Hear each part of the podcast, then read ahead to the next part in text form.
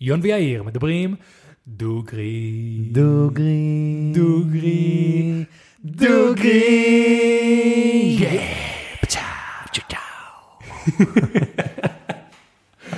אהבתי את זה. כן, זה נשמע סבבה. זה טוב, זה טוב. אז ברוכים הבאים לפודקאסט בואו נדבר דוגרי. הפודקאסט שבו אני ויון מדברים. דוגרי. היום יש לנו אה, בירה חדשה של ביר בזאר בשם חוויטני. וויטני. חוויטני. הופה, זה אומר שזה חיטה. כן. אז אני יודע בטוח, אני בטוח אוהב את זה. ש- אני יודע שאתה אוהב את זה, אז אה, קניתי, קניתי כמה, קניתי את היהיה בסדר, קניתי אחד בשבילך, אחד בשבילי ואחד בשביל לנסות. מגניב. אז אה, נראה איך זה הולך. קח בבקשה. תודה, בבקשה. השולחן ארוך לנו מדי, יאיר. צבע יפה. או, איזה רעש, שנייה, שנייה, בוא נעשה את זה ליד המיקרופון.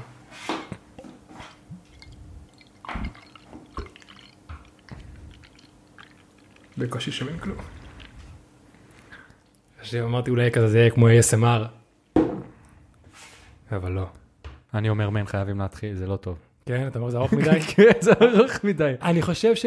טוב, אולי אם תוך כדי להתחיל לדבר וזה, תוך כדי שאני עושה את אבל זה, אתה כי- אומר, זה הקשב והריכוז, אני התחלתי, אני פשוט הסתכלתי עליך. אני חושב שצריכים להתאמן על זה, כי אני חושב שהמזיגה זה גם יפה שם וגם זה יכול להיות רעש יפה, צריכים להתאמן על זה אני חושב. אז צריך להתאמן על זה. נראה, נראה. טוב חבר'ה, חוויטני, כפי שאתם רואים. בחורה יפה, כן. ומי שלא רואה, זה כזה אישה עם אה, פרחים על הראש, אישה עם משקפיים היפסטרית תל אביבית, בלונדינית, שרואים שקוראים לה וויטני. חוויטני, כי זה עם WH, זה חוויט. אה. אז כן, אחלה, נראה. טוב, אני מאוד אוהב את העיצובים שלהם. של כן. זה, מעורר. השראה. איך לחיים, תדע, אולי יום אחד יהיה בירת אה, בואו נדבר דוגרי. יו, כן.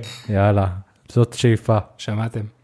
התחלתי לעשות רשימה של כל מיני רעיונות שבא לי לעשות בפודקאסט, אז אה, אני צריך להכניס את זה לשם. בוא נשתה. תקשיב, לבירת חיטה אני ממש אוהב. גם אני, זה אחלה של דבר. זה לא חמוץ, זה לא זה, זה... כאילו, זה טעם של בירה רגילה with notes כן. של חיטה. וואלה, זורם לי. כאילו, כן. אני, אני, אני, חבר'ה, אני מצטער, ואני מהבין האנשים שלא אוהבים ויינשטייפן וכל ה... אני, אני לא אוהב בירות לבנות, אני לא אוהב בירות חיטה. אני אוהב אה, סטאוטים, אני אוהב אמבריילים, כל מיני כאלה, אבל זה אני פשוט לא אוהב. אבל וואלה, זורם, זורם. מגניב. כן. אני אוהב פירות חיטה, אז אני משוחד, אין מה לעשות. יאללה, מגניב. יאללה, מגניב. אז מה קורה, מן? מה, בסדר, מה איתך? איך הולך בהפגנות שם בחוץ? אה, וואלה, זהו, אני בצד של ההפגנות שיחסית רגוע, כי אני בגשר ההלכה, אבל גם בחלק הצפוני של גשר ההלכה, מה שכזה מחבר בין אה, גבעתיים לתל אביב, אוקיי. גבעתיים? נראה לי זה גבעתיים. אה, רמת גן, אני חושב. רמת גן, נכון. אה, אז אני שם, אנחנו שם נראה לי כולה 40 איש, כי עכשיו בגלל זה של ה-20 אנשים, ממש כזה שמו סימנים ברצפה כל שתי מטר, בשביל כל היחידות, וברגע שהגענו ל-20-25 אנשים, כזה פשוט פיצלו אותנו לשתי קבוצות, כדי שנישאר כזה... והיו שוטרים שבדקו אתכם והכל? אז בזמן שאני הייתי שם לא, בחלק הדרומי של הגשר היה שוטר, והבנתי שבצהריים ובבוקר היו פקחים שהתחילו להביא דוחות. חופשי. וואלה. כאילו אנשים שכזה, הבנתי שבאיזה צומת, הם היו כזה בארבע פינות של, ה, של הצומת, איפשהו בנמיר, והשוטרים עדיין הביאו דוחות, כי זה לא נחשב לקפסולות, כי זה נחשב לאותו צומת, או משהו בסגנון. משהו מפגר כזה. אמ, אז כן, אני, היה רגוע, היה נחמד. שוב, כמעט כל רכב שעובר צופר, אנשים שעוברים, אנשים כזה עברו עם אופניים ועשו רעש, וכן, אז זה, זה נותן מאוד מאוד. הרגשה של אחווה, לג- לגמרי, לגמרי, לגמרי. זה יופי. כן. יאללה, אני מקווה שזה יעשה משהו ושעוד מעט לא יגבילו את זה ל-10 מטר מהבית. ואז בכלל. בינתיים עדיין קילומטר, נכון? כן, קילומטר. כן. עדיין לא 200 מטר. בינתיים. איך. תדע, אולי עד שהפודקאסט הזה יצא זה כבר לא יהיה. אי אפשר לדעת. הכל יכול להיות. וואו, כן. אני... זהו, שבוע הבא אמור להסתיים הסגר, או לפחות שלב א' של הסגר. אחרי זה הם אמורים ל- ל- ל- לעשות סוג של אה, הערכה מחדש, לראות, נכון? כן, בטוח יאריכו.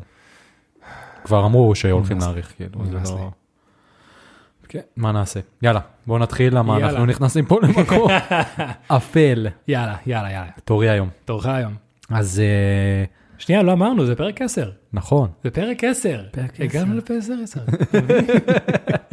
זהו, זה כבר נשמע פייק. לא, זה לא, זה לא פייק, כאילו, תקשיב, אה, עשר זה, הספ... זה המספר הראשון של הספרות. זה, זה, חשבתי לא לעשות משהו משמעותי. אחד, ואמרתי לא, זה עדיין עשר, אל תרגש יותר מדי, יהיה עוד. כן. צריך, זה- לא, אבל לא, אין ספק שזה משהו שהוא לאט לאט גדל ומתפתח. לגמרי. אנחנו נהנים, אנחנו נהנים. לגמרי.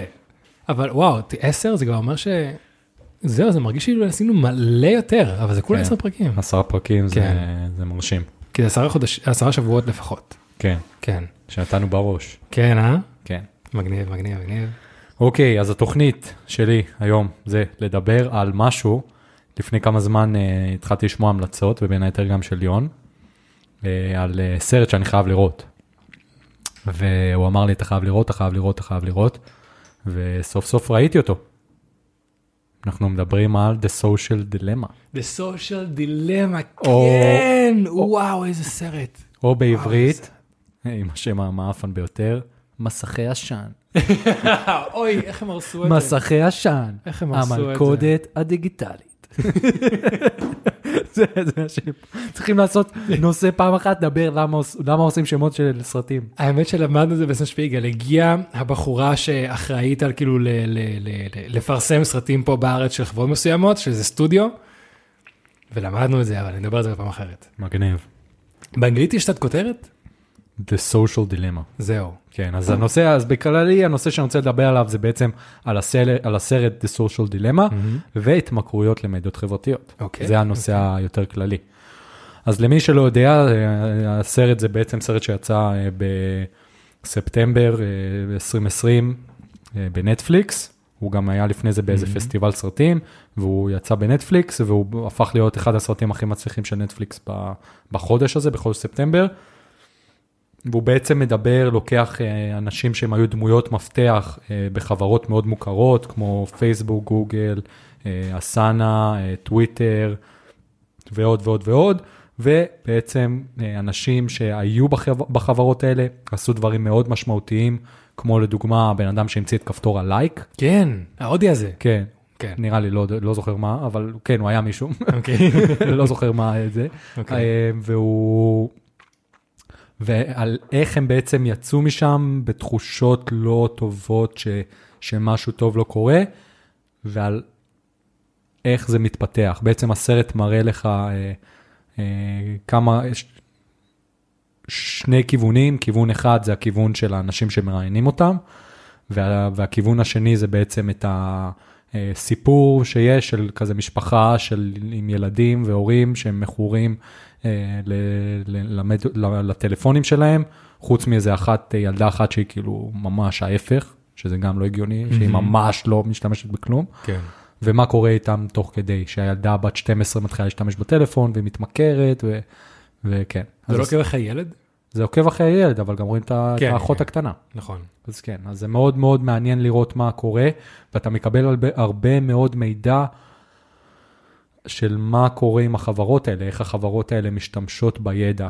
כי Mhm. בסופו של דבר, מה שיש לחברות האלה זה מידע, דאטה. כן. דאטה זה הדבר הכי חזק שיש היום בעולם, ביג דאטה. כן, שאפשר בעצם, שוב פעם, ב-2016 בעזרת הדאטה הזה, אה, אומרים שהשפיעו על, הבח- על הבחירות בארצות הברית. כן. הוא גם מדבר מזה ב- בסרטון. כן, כן. ש...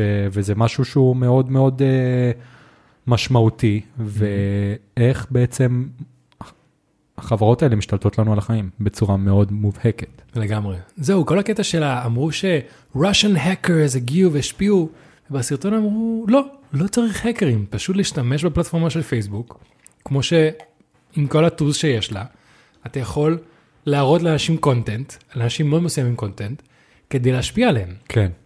והאמת שעכשיו כשפייסבוק הציע לי לעשות בוסט לאחד הפוסטים שלנו, והיה כזה, אוקיי, who's your target audience? נכנסתי לאדוונס וכאלה, וראיתי כאילו שרמת הדיוק של אנשים כאילו interested in כל כך הרבה דברים, ודמוגרפיה. איזה סוג ו- טלפון יש להם. איזה סוג אה, טלפון, כן, על. מה הם אוהבים לחשוב, כאילו, כל- כאילו חוץ מגיל, מין ו- ואזור שהם חיים, כל כך הרבה דקויות, כן, שאמרתי, כאילו, וואו, ברור שאפשר להשפיע על אנשים. אם אתה רוצה ממש להשפיע על אוכלוסייה מסוימת, לחשוב מה שאתה אפשר, אם אתה מבין בפייסבוק מספיק, די בקלות. כן. לא צריך האקינג או משהו. בשביל המאזינים שלנו, יש לך אולי מול המ- במסך אה, רשימה של אנשים שהשת- שהשתתפו בסרט? האמת שכן. זהו, כי אמרת בחוש שיש להמציא את הלייק, אבל יש שם אנשים כמו ה-CEO של פינטרסט. כן, אז יש לי פה רשימה, יש פה מישהו שהיה מנהל, זה תפקיד מגניב, מנהל האתיקה בגוגל. זה בחור מרכזי, נכון? כן, כן. שזה בעצם נשמע תחום מאוד מגניב. העובדה שהם צריכים מנהל אתיקה, זה כן. לדעתי אומר משהו. מי שהמציא את כפתור הלייק שדיברנו עליו הוא גם מי- מייסד של חברה בשם אה, אסנה, שזאת חברת אה, ניהול משימות, האמת שאני משתמש בה בעבודה והיא אחלה. וואלה. האמת אה, שזה מעניין שהוא שהוא אמר בהתחלה שהם עשו לייק, רק רק כפתור לייק, כי הם רצו אה, אה, to spread positivity. כן, שזה יהיה חיובי, הם לא ידעו כן. שזה הולך לבוא בכיוון כזה הפוך על הפוך. לגמרי, כאילו, זה, זה, הכפתור הלייק השפיע על כל, כאילו, על כל שאר הפלטפורמות שיש, רדיט, אינסטגרם, הכל משתמש בדבר הזה, וזה יוצר אצל אנשים רגשות כל כך חזקות, כפתור קטן של לייק. ברור. זה מדהים. אתה יודע, גם אצלי, אני מסתכל על זה שיש לי ערוץ יוטיוב, אני מסתכל על זה שיש לנו, לנו ערוץ יוטיוב גם, ויש לנו את הפודקאסט, וכל בן אדם ש... או חדש שעוקב, כל תגובה חדשה, כל דבר כזה, גם באינסטגרם שמגיבים לי, זה, זה, זה, זה, זה תחושה מאוד אה, ממכרת, לגמרי. שאני כל היום בודק כמה עלה לי בעוקב, עלה לי, זה, זה זה, זה, זה נורא, אני זוכר שבהתחלה כשפתחתי אינסטגרם, אה, הוא עדיין היה שולח לי נוטיפיקציה כל פעם שמישהו עושה לי לייק לפוסט. ווואלה, זה היה כאילו מדהים, הייתי מעלה תמונות וכאלה, תמונות מושקעות, והייתי רואה כאילו כל פעם שמישהו עושה לי לייק, ואז הייתי נכנס כדי לראות כמה לייקים יש לי כל פוסט. עד שבנקודה מסוימת אמרתי, וואי, אני פשוט כל היום על המסך מחכה לעוד לייק. אני לא יכול יותר, פשוט כן. כיביתי את הנוטיפיקציות בפייסבוק ובאינסטגרם, לא רוצה יותר. כן. מתי שאני אכנס, אני אראה, יאללה, מגניב. אני, זה באמת ממכר. כן, זה ממש ככה, אז בואו נראה, הרשימה זה באמת האתיקה בגוגל, מייס- מייסד כפתור הלייק, ממציא אה, נשיא פינטרסט, ועוד פרופסורים ממש מכובדים מהרווארד, ועוד כל מיני חברות שאני לא מכיר, אז אמרתי שאני לא אכתוב, כי אוקיי. הם לא כאלה מוכרים. סבבה. חברה בשם יונדר, אתה מכיר את יונדר? לא, אולי מישהו מכיר. יונדר, אז היה שם גם מישהו מיונדר. אה, כן. אז זה באמת היה מאוד מאוד מעניין לראות איך הם מסתכלים על זה, אבל על הכיוון הזה, ועל העובדה שזה מתפתח לכיוון מאוד מאוד בעייתי. אני אגיד לך, אני עובד אה, בחברה ואני מנהל שיווק, ויש לנו קטע שאנחנו משתמשים, יש לנו נגיד את הרשימה של האנשים שקנו, אוקיי? Mhm. קנו אצלנו באתר נגיד. אז יש לנו את המייל והטלפון שלהם, סבבה? זה לא משהו סודי, זה משהו שכל מי שיש לו פייסבוק יכול לעשות, כאילו. כן. יש לך רשימת טלפונים, יש לך רשימת אה, מיילים, אתה יכול לקחת את הרשימה הזאת, להביא אותה לפייסבוק, אוקיי? ולהגיד לה, אני רוצה look alike.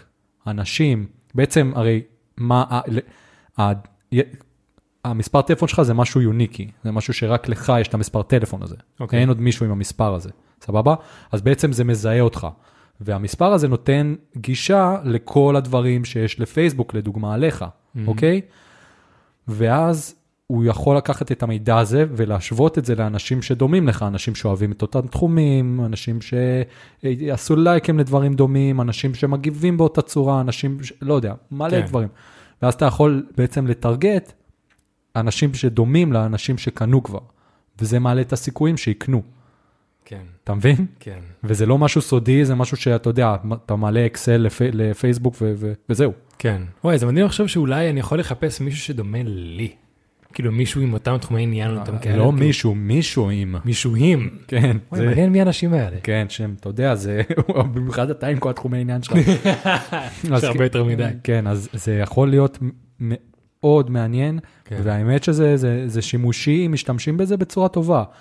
שוב פעם, נראה לי שדיברנו על זה פעם באחד מהפודקאסטים כבר. מהמם. אני מהבחינה שלי, העובדה שיש להם את המידע הזה עליי, והעובדה שהם מראים לי פרסומות שמעניינות אותי דווקא, ולא, אתה יודע, הדבר שאני הכי שונא זה שלפעמים נגיד אני מקבל מייל מאיזה חברה שעשיתי לה subscribe, כן. ופתאום הם שולחים לי לחברת ביגוד, ופתאום הם שולחים לי תחתוני נשים. וואלה, לא, אני לא הקהל יעד, סבבה, וגם אה, זה לא, זה לא אני, שולחים לי מכונות קפה. אני לא שתיתי קפה, אני לא שותה קפה. דיברנו על זה. תטרגטו אותי כאילו, במשהו שמתאים לי, אז אני דווקא מסתכל על זה בסוג של משהו שעוזר לי. כשאני קונה משהו, אני קונה משהו כי אני רוצה אותו, אבל שוב פעם, זה אני, יש אנשים ש... אתה יודע, עלה בבאללה, רואים פרסומת של משהו הכי טיפשי בעולם, והם קונים את זה. מהמם. אז זה משהו שהוא באמת, אבל אתה יודע מה הסיבה לזה? מה? לפרסומות שלא קשורות אליך. מה, שאני רוצים שאני אקנה לשיר אה, תחתונים? לא שאתה תקנה לשיר, זה, זה מדברים על זה גם על הסרט. אם עכשיו יש מישהו שלא נמצא, כאילו שהם רוצ, הם רוצים להגיע דרכך למישהו, כי הוא לא היה בפלאפון, כי הם רוצים את התשומת לב שלו, כי הם רוצים לחבר בינינו, לא משנה מה הסיבה. אז הם ישלחו לך משהו, כדי שתראה לה, כדי שתשלח לה משהו, כדי לגרום לה to engage עם הפלאפון. כן, כמו ששמנו לב, מתישהו מעיין החליטה שהיא מורידה את הזמן מסך שלה, משלוש וחצי שעות לשעתיים, משהו כזה. באמת, באותו שבוע, אני פתאום מתחיל לקבל באינסטגרם מלא מלא פרסומות לקינוחים טבעוניים. קינוחים טבעוניים ודברים כאלה, ואני שם, ואני באמת הייתי שולח לה, וואי, מה אם נזמין את זה, מה את חושבת על זה?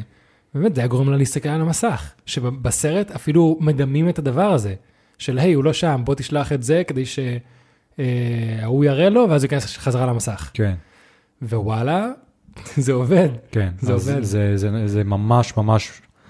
אז אפילו יש עוד מימד, אמרתי שיש את המימד של האנשים שמראיינים אותם מהחברות המובילות, יש את המימד של הסיפור, ויש עוד את המימד שהוא מימד נראה לי הכי מעניין בסרט, שזה המימד השלישי, שבעצם מראים כביכול לכל בן אדם יש את הדאטה שלו, אז יש אה, אנשים שמתפעלים את, לכל אחד את המערכת של כזה, אוי, הוא לא התחבר כבר יום, בוא נשלח לו אה, נוטיפיקציה שמישהי שהוא מחבב מהבית ספר, עשתה לו לייק לתמונה, דברים כן. כאלה. וזה מאוד מאוד מעניין ומפחיד. אני מהנקודת מבט שלי, תוך כדי הסרט כבר התחלתי לנהל עם עצמי שיח, שאני בא ואני אומר, וואי, אני צריך להוריד את כמות הזמן שאני נמצא במדיות. Mm-hmm. אפילו עשיתי על זה פעם סרטון שחודש שלם הייתי בלי פייסבוק ובלי אינסטגרם. ו...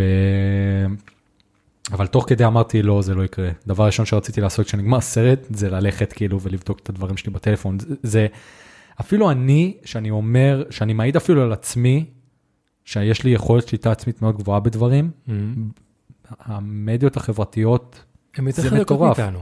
זה מטורף. אנשים הרבה יותר חכמים מאיתנו, עם הרבה יותר ידע על עצמנו מאיתנו, ועם הרבה יותר כסף, שמו את כל המשאבים שלהם, כדי שאתה תהיה כמה שיותר זמן על המסך. אי אפשר להילחם בזה.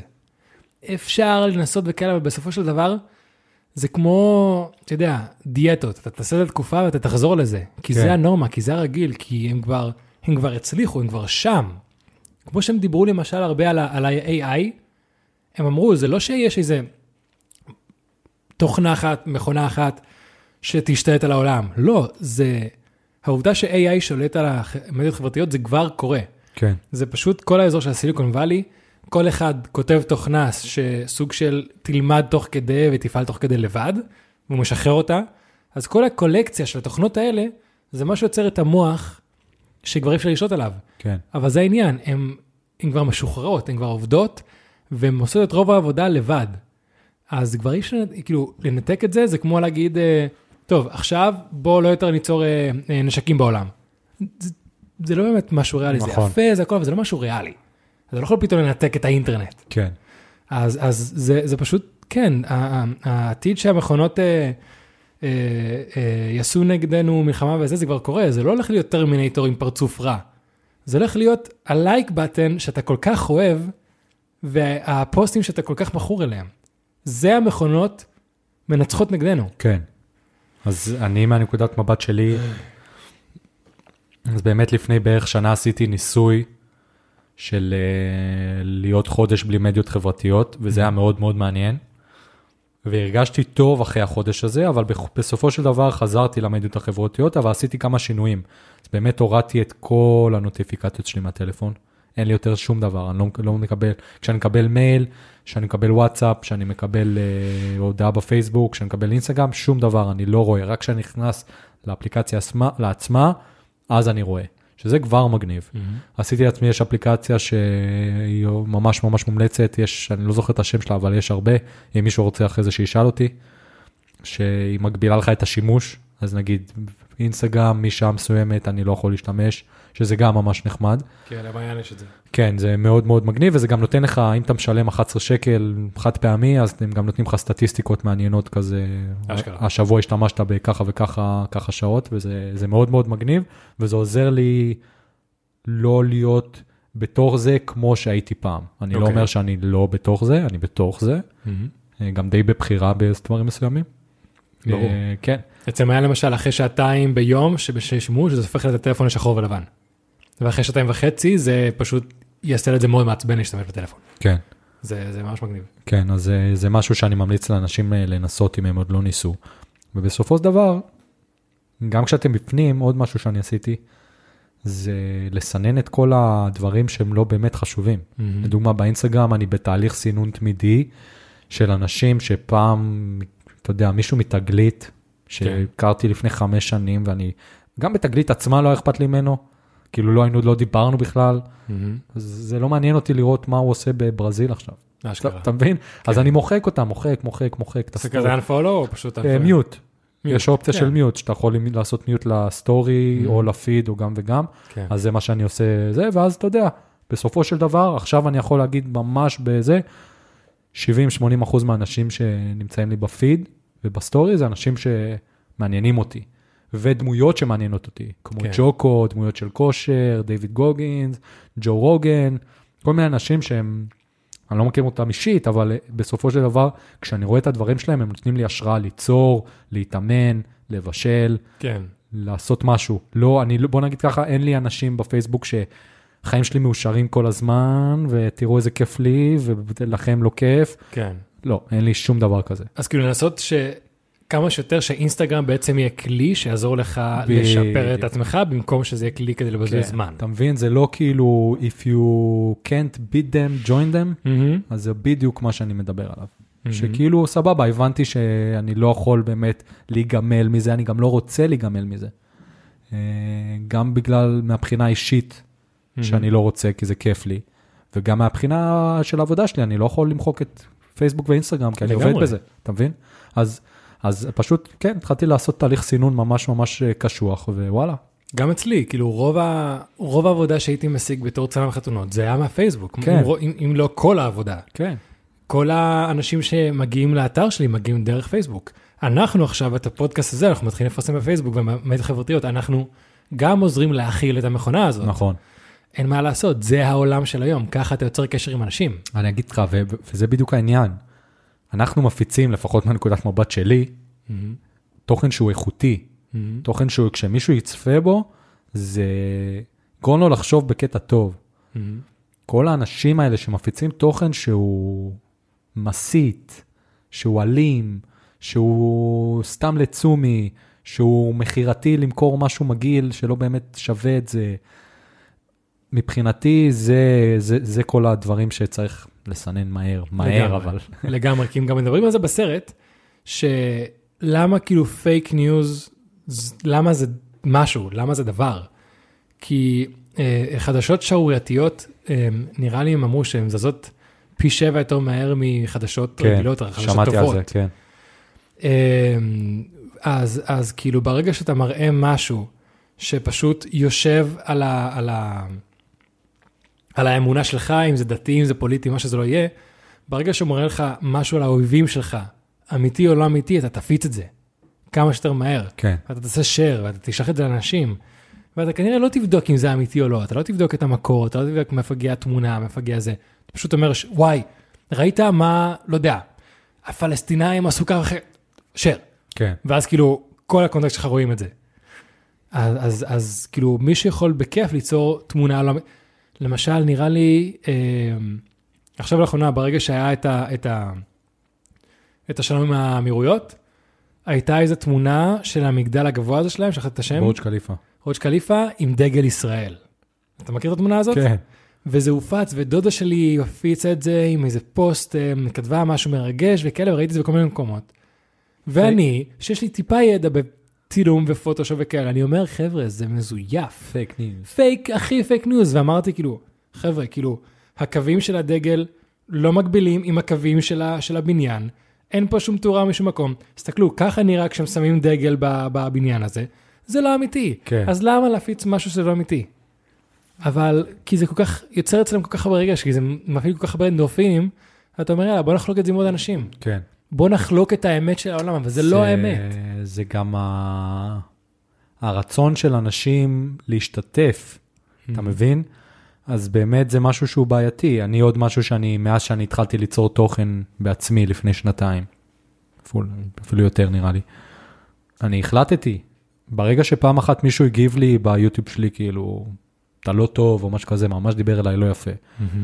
החלטתי שאני יותר לא, לא, לא, לא שהייתי לפני זה איזה מישהו כזה, אבל אני יותר לא מגיב לאנשים, אני לא, כאילו, גם אם זה, כאילו, אם זה רע מן הסתם, אבל גם אם זה טוב, אתה יודע, מקרים מיוחדים אני עושה את הלייק שלי, שיש איזה סיפור יפה שאיזה מישהו פרסם, דברים כאלה, מהמם. אבל אני יותר לא, לא, לא נמצא בתוך זה, כי זה סתם feeding the machine. בדיוק. זה, זה כאילו מגדיל את זה, ו- וכן, וזה לא, לא משהו שאני רוצה להיות בו. אז זוכר עוזר לי, למשל- זה עוזר לי. לגמרי. אני זוכר למשל כשהייתי בצבא הייתי הרבה יותר כזה, ברגע שראיתי משהו על, על, על הפלסטינים כזה, יאללה, share. כן. ואני רואה כאילו בממוריז כזה, you reposted או עשית את זה, ל, ל, אני אומר כאילו וואו, כאילו כמה שיט הייתי מפרסם בפייסבוק. נראה לי אתה היית עוקב אחריי בפייסבוק ומתי שעשית לי אה, unfollow כי הייתי מפרסם כל יום מלא שטויות. וואלה, לא זוכר. יכול להיות? לא? אני זוכר שדיברנו על זה עם החבר הזה שלנו. חבר. כן, לא נגיד שמות. וולדמורט. כן. כן, זה... אז למשל, כל הקטע הזה של לפרסם וליצור, שלדעתי זה אחת הנקודות החזקות של הסרט. הרגש שהדבר הזה יוצר אצלך, לכן, כאילו, ההשפעה שזה יוצר אצלכם יכולים לגרום לבן אדם לחשוב בצורה מסוימת. אה, על ידי איזה פוסטים הם מחליטים לשים לך בהתחלה, איזה פוסטים מגיעים אליך, איזה פוסטים אתה רואה. ואני זוכר שכשעשו את הרעיון עם ה-CEO של פינטרסט, אומרים כזה, אז כאילו איזה השלכות רעות נראה לך שכאילו, what's the worst case scenario? כאילו, ש, שכנראה יכול לקרות. הוא אומר, "ב- בטווח הקרוב, מלחמת אזרחים. ואני אמרתי, כי כולנו חשבנו את זה תוך כדי בסרט. כי הם הראו, הם הראו לנו את זה קורה, הם הראו כאילו, תראו, זה מה שקרה בשנה הזאתי, פייסבוק התחיל ככה, זה המספרים וזה, ואז התחיל כאילו כל העניין הזה. סבבה, ואז כאילו הבחור, שהוא כנראה לא פראייר, הוא היה CEO של פינטרסט ועוד כאילו COO של כל מיני, כמה- הוא בחור שיודע מה הולך שם. כן.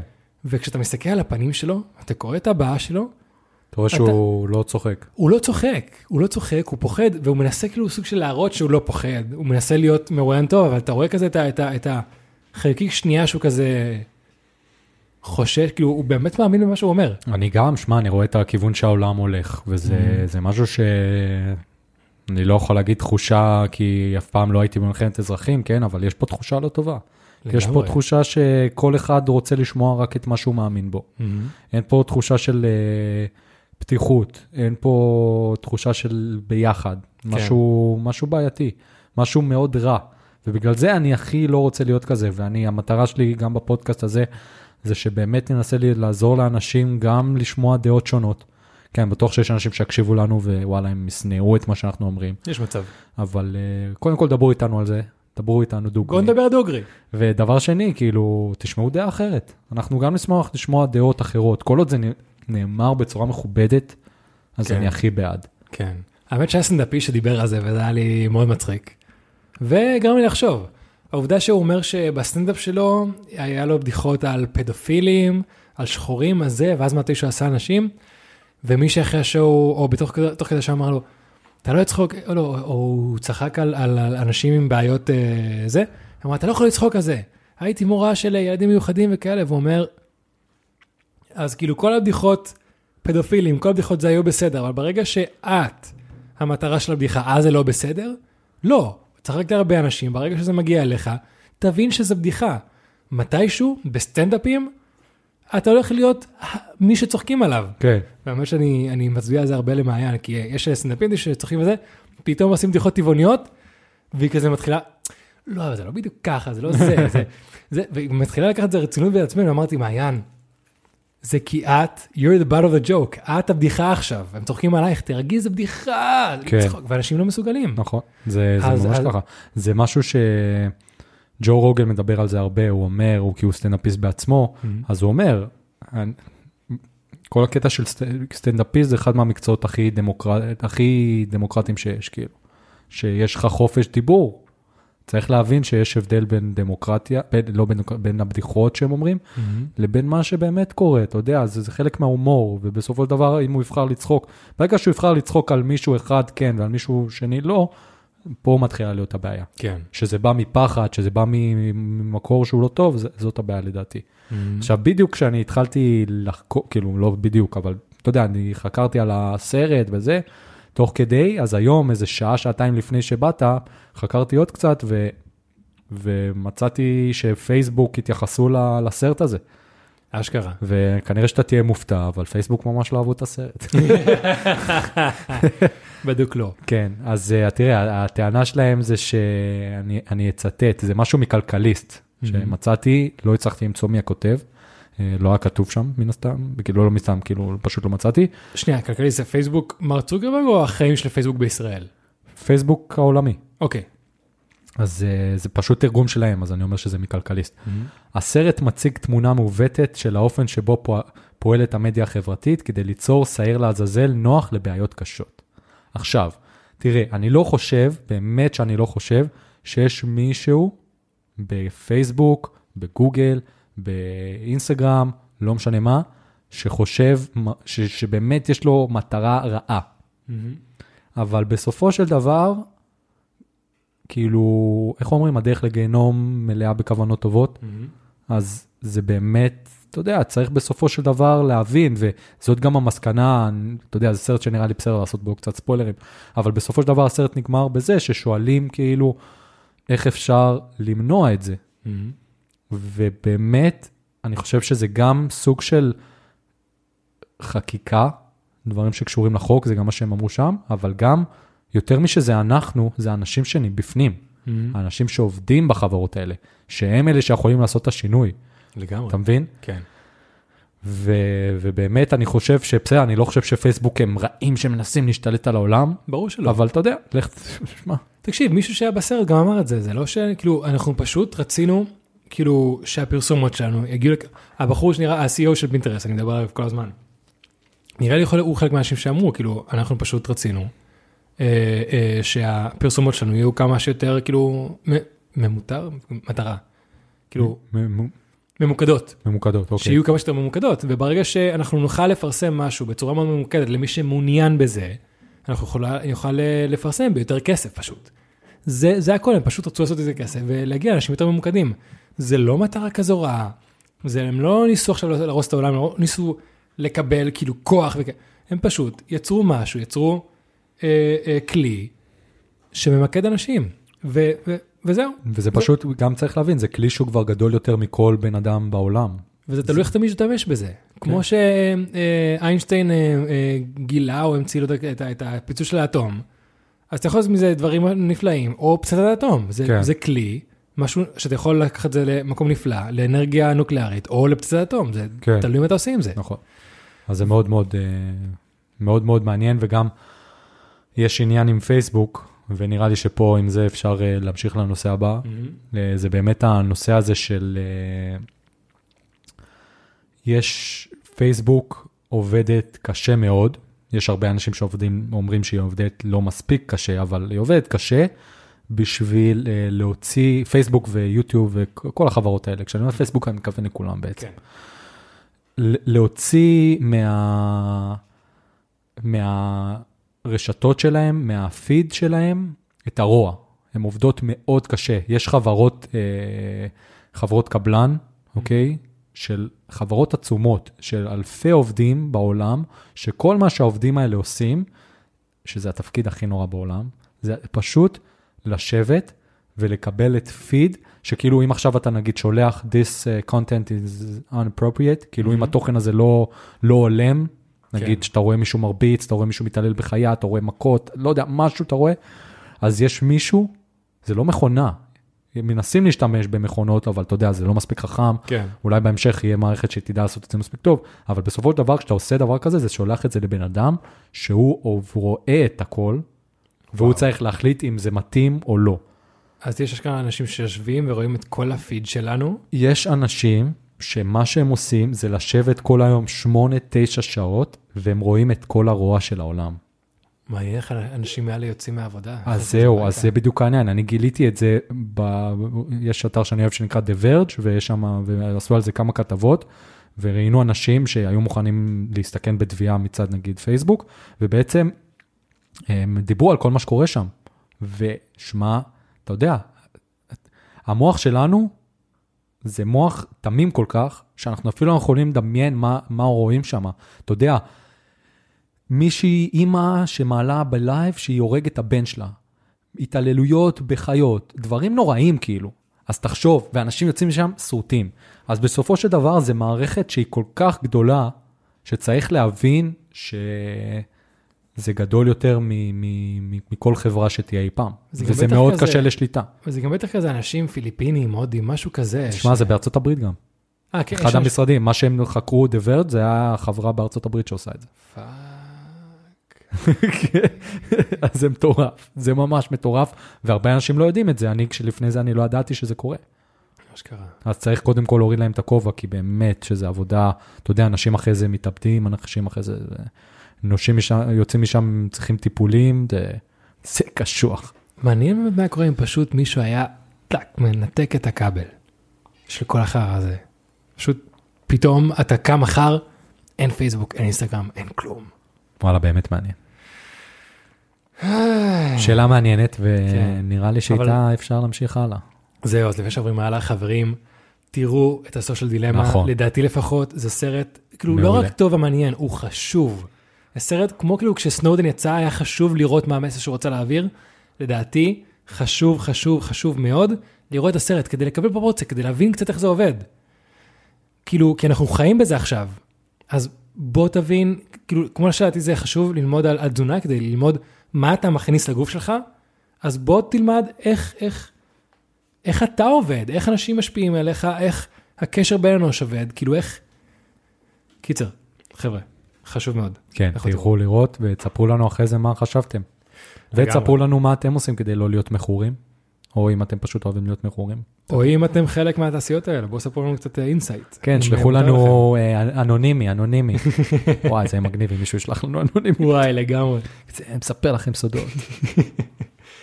יאללה, יון, אוקיי, תן בראש. אז הנושא שאני הבאתי היום אה, הוא נושא לא כל כך כבד, האמת שנושא שלא קשור בכלל. שבטים מנותקים. אוקיי, אוקיי, אז uh, נראה לי דיברנו על זה מתישהו שבוע שעבר, שבטים מנותקים, והתחלתי ממש להתעניין על העניין. קול. והאמת שלחקור הנושא הזה לקח אותי להמון המון מקומות מעניינים. Uh, אז ככה, בוא נתחיל, קצת uh, מידע כללי. אז דבר ראשון, כאילו, קשה לדעת כמה, אוקיי, דבר ראשון, שבטים נידחים, שבטים מנותקים, זה המון המון שמות לאותו דבר.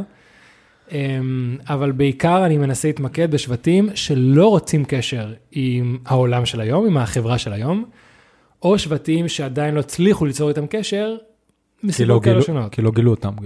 כן, מה שלא גילו קשה לדבר עליהם. אז אה, למשל באתי להגיד שקשה כאילו, באמת קשה לדעת כמה שבטים מנותקים יש, אבל כרגע יש הערכה שיש בערך 100 שבטים מנותקים בעולם. וואו. אבל זהו, זה בגדול מה שראינו איפשהו ולא הצלחנו ליצור איתם קשר. יש המון המון שבטים מנותקים שבמהלך השנים ברור שהגענו אליהם, גילינו אותם והם השתלבו לחברה. כן. אבל מה שאני קורא שבטים מנותקים זה כאלה שלא רצו להשתלב, או כאלה, כאילו, כאלה שבכלל לא נתנו לנו ליצור איתם קשר כי הם מאוד- תוקפניים, או כאלה שיצרנו איתם קשר ולא ראינו שוב, או כאלה שיצרנו קשר, הכל בסדר, הם פשוט לא רוצים שום דבר מאיתנו, רוצים כן. להישאר בנפרד. וכאלה, אה, יש כמה ש... יש אה, סרט של דויד אטנבורו מ-1970 ומשהו שהוא עושה, אני אגיע לזה, זה ממש ממש ממש מעניין לראות את זה בווידאו, בפוטאג', זה מדהים. אה, אז כרגע יש למשל, הרוב נמצאים בדרום אמריקה. הרוב, הרוב, הרוב. מרוב, תוך המאה האלה, כאילו, כנראה שאני אגיד מספרים שבסופו של דבר יהיו יותר ממאה, כי הכל כזה, אתה יודע, יש מצב ששתי השבטים האלה הם אותו אחד, יש מצב שהתבלבלו, אז בגדול, אה, אומרים שלמשל, רק באמזונס יש 70 שבטים מנותקים, אה, ובגלל כל הקטע של, ה, אה, של, של מה שעושים באמזונס, שכורתים את העצים וכאלה, יש כרם בברזיל בשם פונאי, שזה פונדסון אסיונרדו אינג'ו. כן. שזה קרן לאומית של, ה, של, ה, של האינדיאני, שטוענת שישנם כ-70 שבטים בברזיל, רק בברזיל, באמזונס. אה, אחרי זה בפפואה ניו גיני, אה, מערב, באיים שבמערב שלה, טוענים שיש עוד 40, ואז עוד איזה 10 מפוזרים בכל מיני מקומות בעולם. אבל בטח אה, הכי מפורסמים שאנשים בטח שמעו, ראו, ראו עליהם, זה הסנטינליז, שזה שבט שנמצא באי האנדמן של הודו, וזה השבט שכל הזמן כזה רואים תמונות שלהם מכוונים את החץ בקשת ממש מרחוק, זה השבטים שברגע שובר אה, אה, אה, מטוס. מטוס, הוא מגיע מלא בחצים, כאילו, והוא נהיה ממש מפורסם, כי ב-2018 הם, אוי, תשאר שם, הם הרגו מיסיונרי בשם, בן 27 בשם ג'ון אלן שו, כי הוא פשוט, הוא נסע לשם עם דייגים, כדי לקרב אותם לישו. עד אז, כל פעם שמישהו ניסה ל- ל- להגיע וזה, יערו בו איזה, אז הוא אמר יאללה, בוא אני אביא להם את המסר של ישו ואני אציל אותם. הגיע, זרקו עליו חנית, שיפד אותו, קברו אותו איפשהו בים, נגמר הסיפור. הוא די ביקש את זה. הוא די ביקש את זה, הוא מאוד ביקש את זה. כן. זה כמו שאני לא אלך עכשיו ל... לא יודע איפה, מקום מסוכן, לעזה, ואנסה להגיד להם בואו, שולם. שולם. עזוב, אתה הולך לעזה ואתה אומר להם, חבר'ה, בואו תהיו יהודים. אתה דפוק. מי אתה? זהו, זה כאילו, זה למשל שבטים שהם היפר אגרסיביים. מעניין כאילו מה הם חושבים עלינו. שאנחנו השטן.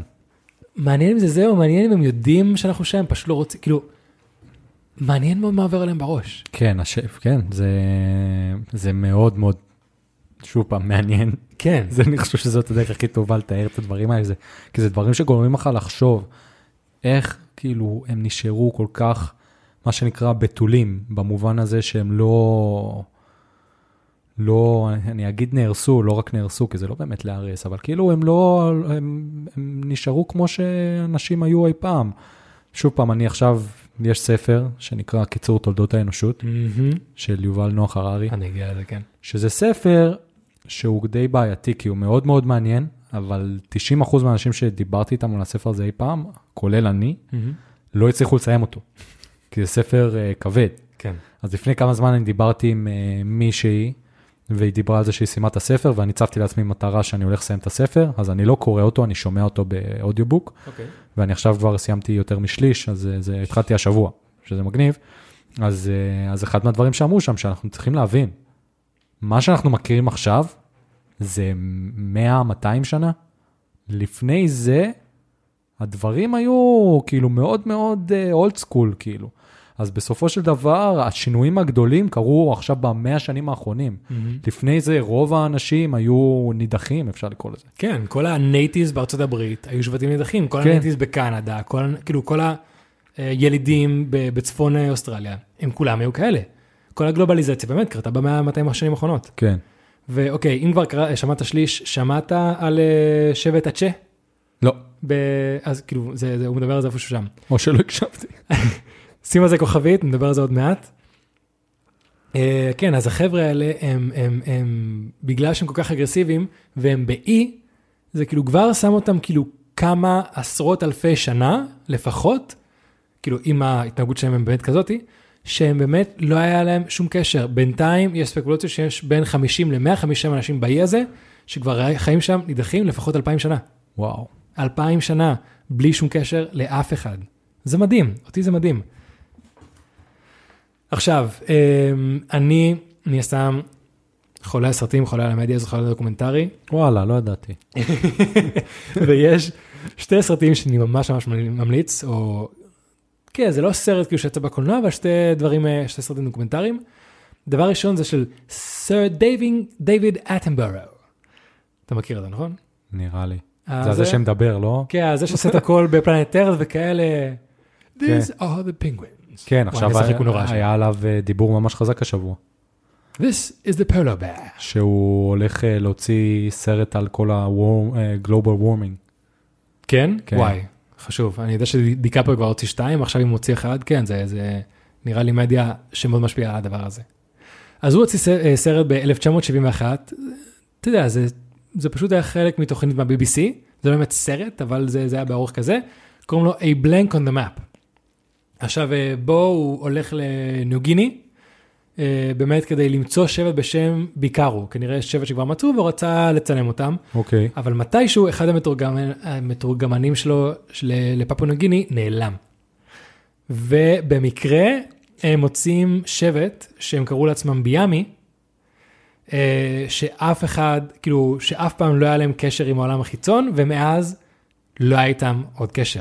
אוקיי. אז זה כאילו גם סרט שאתה רואה אותו באמת, כאילו, הם קניבלים, דבר ראשון. ואחד הדברים שהוא אומר, אחד הציטוטים זה שהוא שם לב שלחייך גורם לנו, כאילו, גורם לשבט קניבלי להיות יותר חברותי איתו.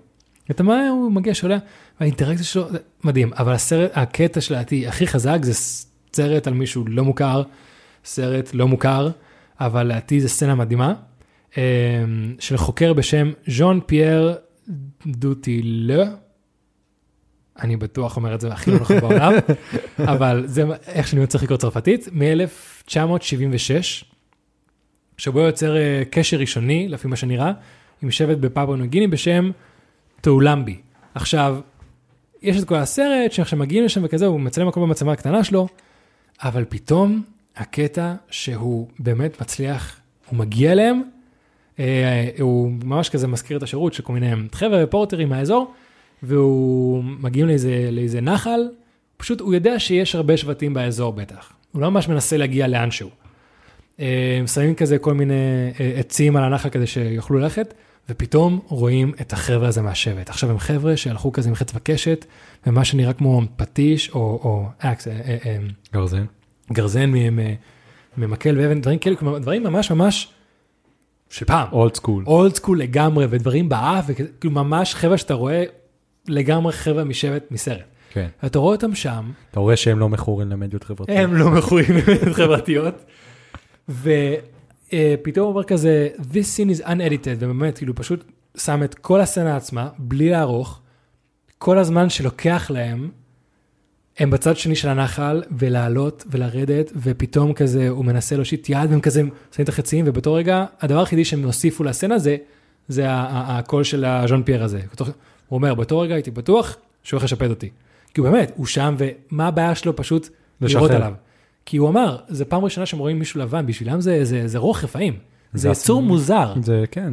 לגמרי, אז כאילו, הוא הולך, הוא עושה זה, הוא מנסה להושיט את היד, והוא כזה, אני שם לב שהוא מושיט את היד, והבחור ה- ה- ה- מפפו נגידי כזה מסתכל עליו, כאילו, זה?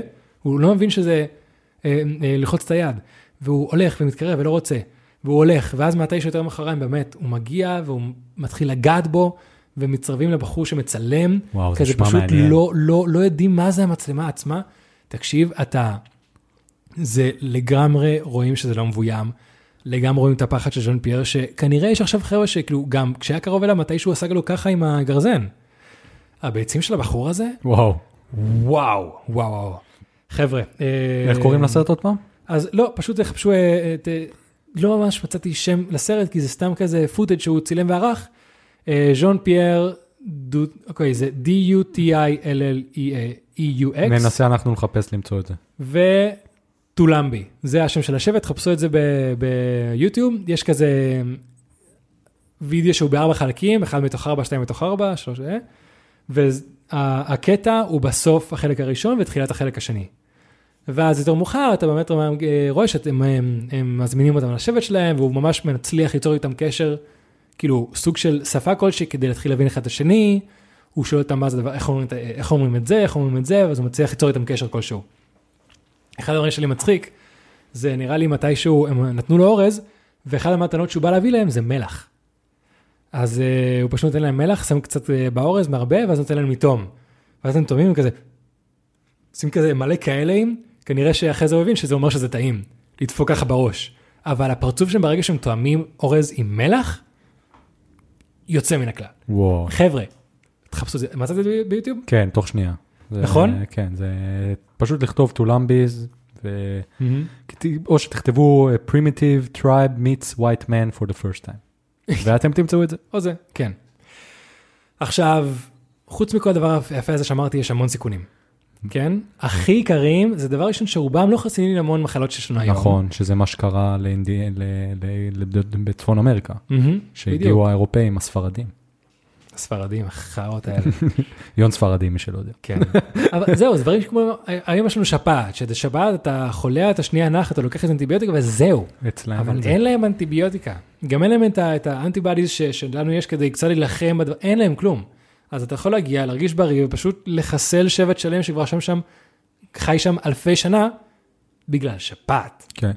זה נורא. וזה יכול להיות הפוך גם. אולי להם יש משהו שלנו אין. לך תדע. לא חשבתי על זה. לא חשבתי על זה. זה... ככה זה נכון, זה כמו שאתה עכשיו טס למדינה אחרת, אתה עכשיו טס לברזיל, אתה יודע שאתה לא יכול לשתות מה- מה- מה- מהמי ברז. אסור. כן. כי לך אין הרבה, איך אומרים אנטי-בדיז? אין להם מה?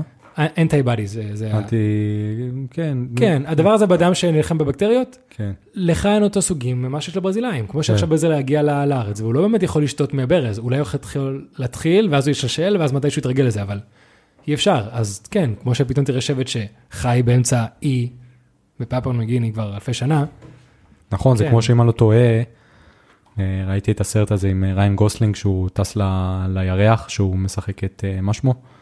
אה, אפולו 16 13 זה הסרט? הסרט קוראים לו אפולו? נראה לי, אוקיי. של, אה, נו, וואי, ברח לי השם. בא זה משהו? באז ואיך קוראים לראשון? נו, וואי, לא מאמין. וואו. הבן אדם הראשון של הירח. כן. רגע, וואי, איזה blackout, אני לא כן, מאמין.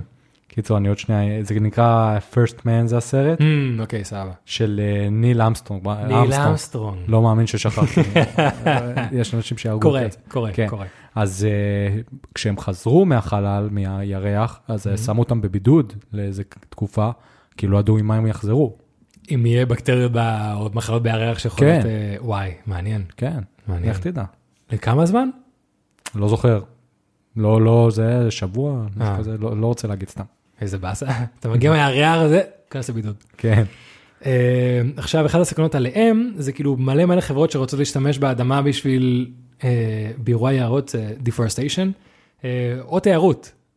כמו שאמרנו קודם. בואו תראו את השבטים. בואו תראו את השבטים. מה שקורה עם הרבה חבר'ה האלה, מה- מהסנטינל- הסנטינליז האלה, באמת, פשוט יש כזה גם מלא פוטאג' של חבר'ה שבאים עם סירות ליד, כזה מרימים חולצה ועושים כל מיני כאלה, ופשוט עוברים שם. למה? למה? למה? כמה, כמה חוסר ביטחון אתה צריך, שאתה צריך כאילו סוג של להרגיש מעל שבט נידח, ב- כאילו, מה, מה הקטע? שבוא? נודה באמת, אני חושב שהם מעלינו. אני חושב שהעובדה שהם הצליחו להתבודד כל כך הרבה זמן, והעובדה שהם נשארו כל כך טהורים, כן. זה הופך אותם ל... יש להם משהו מיוחד. כן. העובדה שהם רואים מטוס והם אומרים, המטוס הזה, אנחנו עכשיו הולכים להרוג אותו, והם יורים חצים על המטוס. זה מדהים אותי. העובדה שמגיע יצור שבחיים לא ראו מהים, ואין להם בעיה להתמודד מולו. זה מדהים אותי, וכולם כולה כאילו בין 50 ל-150 חבר'ה. אתה יודע, וגם כל פעם שאני חושב על האנשים האלה, זה גורם לי להרגיש כל כך מפונק. שאני כן, יושב אה? פה במיטה שלי, אני שושן, וקר לי, אני מדליק אה, זהו, אתה צריך. טמפרטורה מסוימת, ואני יכול, לא, לא, אני צריך לאכול שלוש פעמים ביום. כן, וזה... לא, פעם בשנה אני צריך לצום יום שלם, זה כל כך. וואלה, זה חתיכת סבל. אז כן, זה, זה באמת עולם מטורף, וזה כל כך מסקרן, כל כך. אבל העובדה שעוד הצלחנו, עד כמה שיש אנשים רעים בעולם, אבל עדיין שהצלחנו באמת לשמור עליהם, אם נקרא לזה ככה. כן. אה, כי בוא נודה באמת, אם היינו רוצים, היינו יכולים פשוט להרוג את כולם, וזהו. אבל העובדה שהצלחנו כן לשמור עליהם, זה, זה מראה שעדיין יש תקווה לאנושות. כן, באיזשהו מקום, כן. כי כאילו מבחינתי, זה יישמע מוזר להגיד את זה, אבל תנסו להבין את ה vibe שלי. אנחנו זה האנושות, והם לא האנושות. כאילו הם משהו אחר. הם כאילו במובן הזה שכאילו האנושות, לא יודע, תנסו להבין מה אני אומר, נו. לא, גם על זה אני רוצה לדבר עוד מעט, על ה... זה גם קשור ליובל נוח הררי.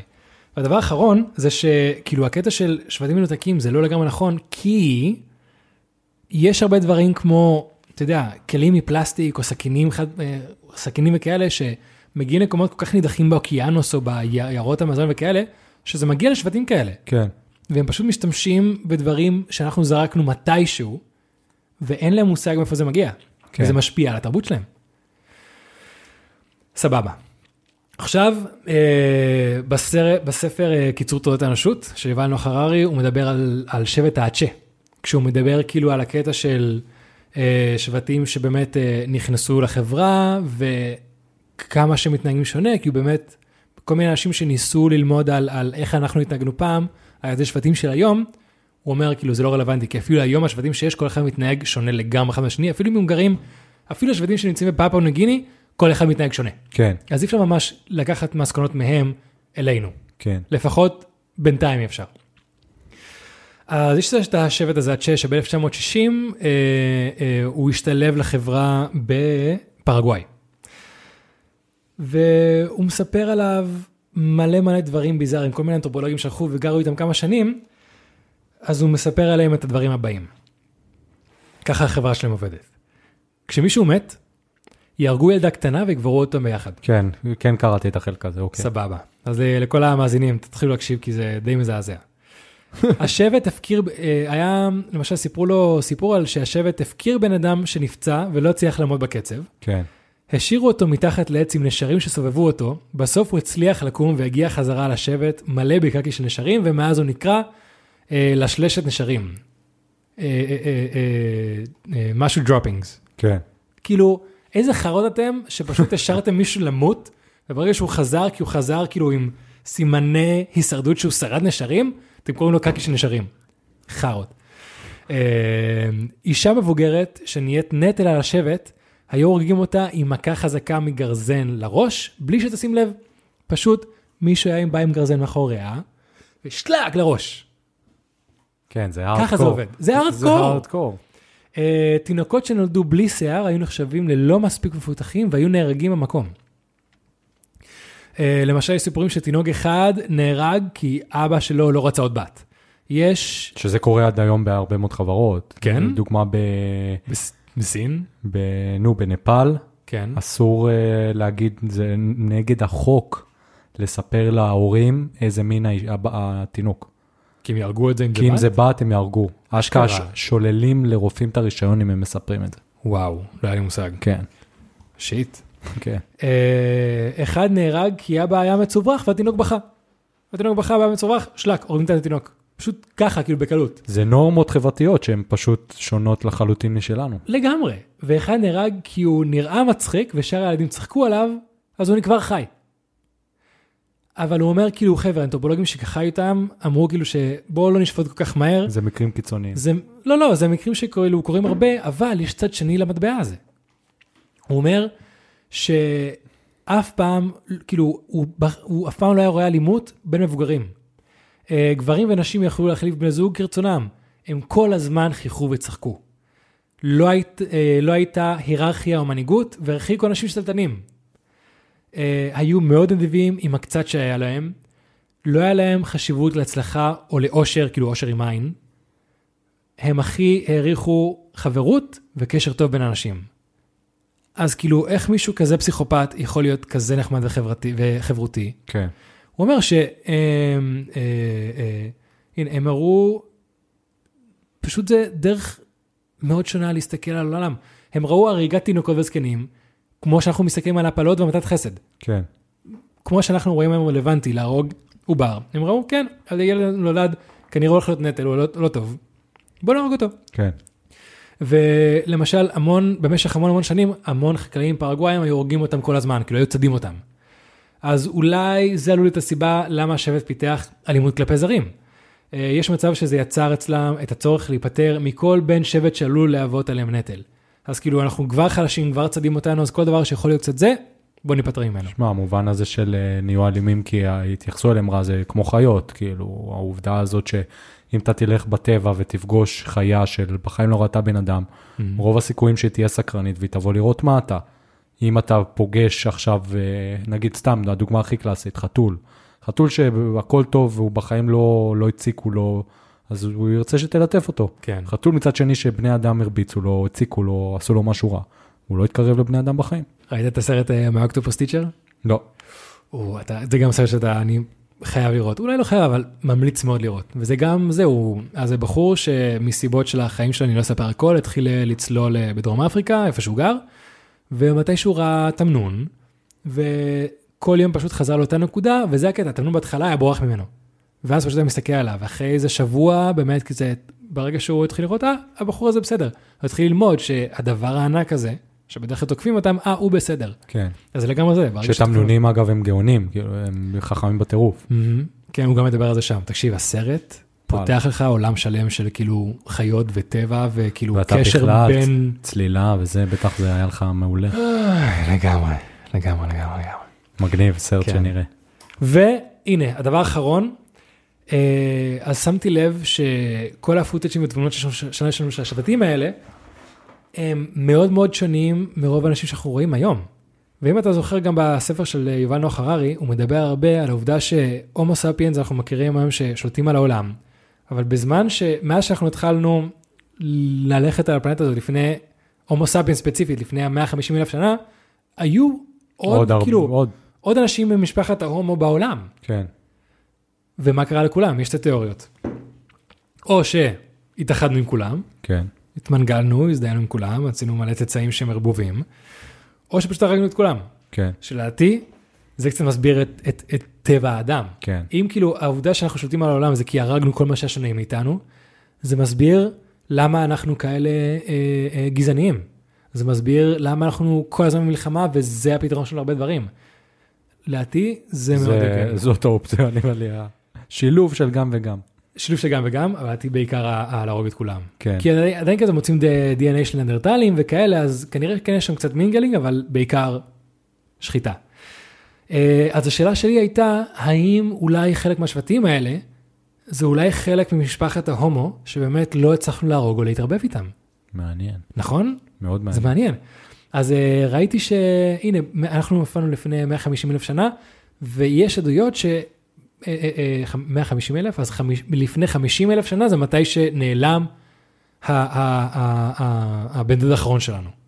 עכשיו, ב-50 אלף שנה, בח... אה, לא, לא, סליחה. לפני 100 אלף שנה נעלם, אז ב-50 אלף שנה הספקנו להרוג את כולם. אוקיי, אז יש המון שהיו בזמן הזה, כמו למשל הומו ננדרטלסיס, או ניאנדרטל, שהוא היה כזה באירופה ומערב אסיה, הוא היה ממש ממש גדול, הרבה יותר גדול, חזק וחכם מאיתנו. אמ, שאתה רואה כזה בצפון אירופה, היה ממש יכול להתמודד עם הקור, דברים כאלה.